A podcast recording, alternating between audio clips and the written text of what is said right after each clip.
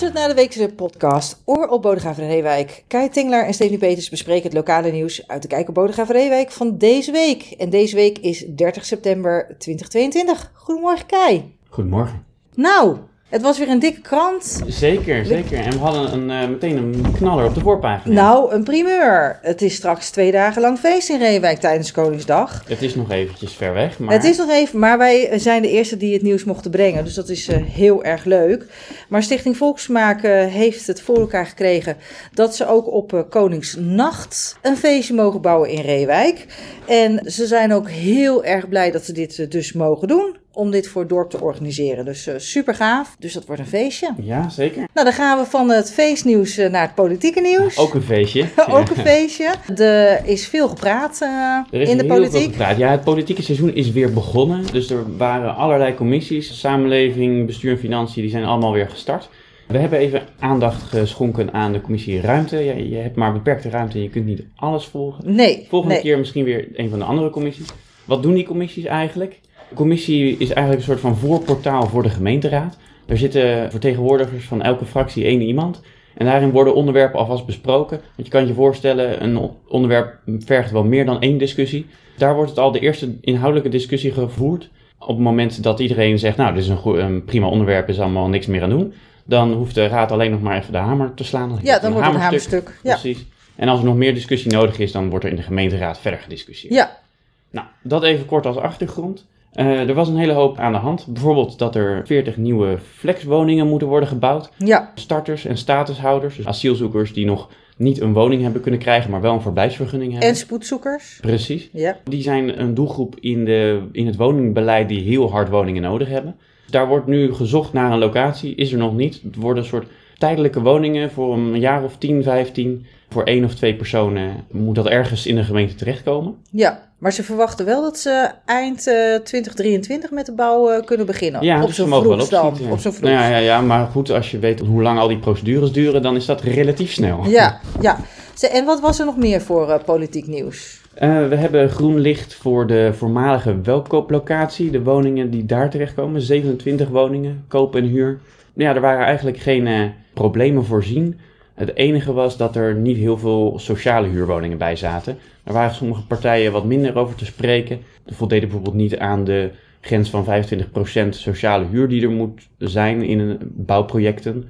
Uh, maar die 25% geldt wel voor de hele woningvoorraad die ja. nieuw wordt gebouwd. Ja, en uiteindelijk gaat dit stuk over de welkoop gaat als hamerstuk uh, naar uh, Waarschijnlijk de raad, wel, ja. Waarschijnlijk wel, ja. En nog meer politiek nieuws. Ja, we gaan langzaam richting een akkoord over de nieuwe locatie van de brandweerkazerne in Driebrugge. Waar die nu zit, daar moeten woningen worden gebouwd. De brandweer moet dus ergens anders heen. Dat wordt waarschijnlijk aan de Groendijk. We hebben al een inspraakraad gehad waarbij inwoners van de ene straat en van de andere straat wel of niet tevreden waren met deze keuze. De communicatie daarover, daar was wel veel kritiek op over hoe het proces is gelopen. Maar uiteindelijk lijkt het er wel op dat iedereen zegt, ja, dit is wel de beste keuze. En um, nog meer politiek nieuws? Nou, het laatste wat ik nog even wilde noemen was de slepende discussie over het voetpad langs de dubbele Wieriken. Ja. Daar zit een spoorwegovergang die gevaarlijk is bestempeld. Ja. Daar is al een hele tijd discussie over wat gaan we daarmee doen. Kunnen we dat nog open houden? Kunnen we er een duiker onder het spoor doormaken bijvoorbeeld? Lange discussie met ProRail, uh, met het waterschap om dat voor elkaar te krijgen.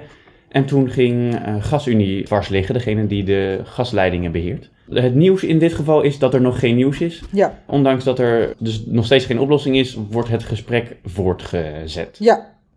Oké, okay, nou dan, uh, dan is dat het uh, ja. voor deze week.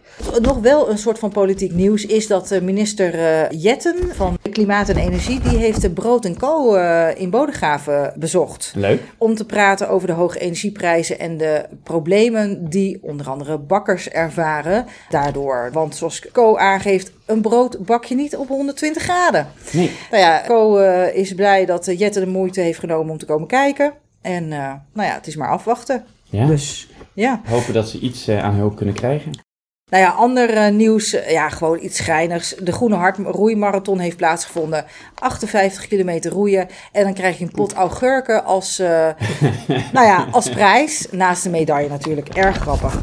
Ander leuk nieuws is die van uh, The Masked Reader. Dat is uh, op de Venen in Reewijk tijdens de Kinderboekenweek. Uh, die hebben dit jaar het thema Giga Groen. En juf Ineke leek het wel heel erg leuk om dan iets te doen met gemaskerde voorlezers. Mm. En dat de kinderen en ook de ouders, want de filmpjes worden ook gedeeld met de ouders, moeten gaan raden wie er dan achter de vermomming zit. Superleuk. ja.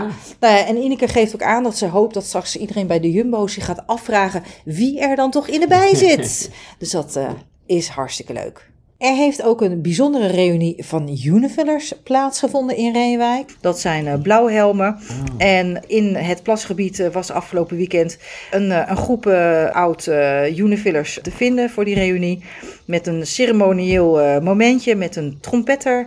Mhm. Maar er stonden ook tanks en tenten opgesteld. Dus het was, was wel bijzonder eigenlijk. Ook nog even een shout-out naar de mensen die elke keer hun foto's indienen voor uw eigen kijk. Hartstikke leuk. Ik zie wel dat er twee dezelfde staan. Ja, en, uh... geinig hè? Ja. ja. Maar de ene is van Ria de Wit en de andere is van M de Wit. En uh, ik kan uh, zeggen dat ik heel sterk heb gelet op de namen, maar uiteindelijk niet op de foto's. Ja, ja het is mensenwerk. Nou ja, en nog een laatste sportberichtje. De atletiekjeugd van Sportclub Reewijk, die heeft deelgenomen aan de NK Estafette. En weet jij dat als ze het stokje overdragen bij de estafette, mm. dat ze dan niet zeggen pak, maar dat ze zeggen nuts? Nuts. Nuts, ja nuts. Nou, het heeft wel, uh, het werkt, want het ging goed. Kijk. Dus dat uh, was hartstikke leuk. Dit was de podcast van Bodegraven Reewijk deze week. Meer nieuws op kijkopbr.nl en volg Kijk op Bodegraven Reewijk ook op Facebook, Instagram en Twitter. En abonneer je op deze podcast. En abonneer je op deze podcast. Tot volgende week. Tot volgende week.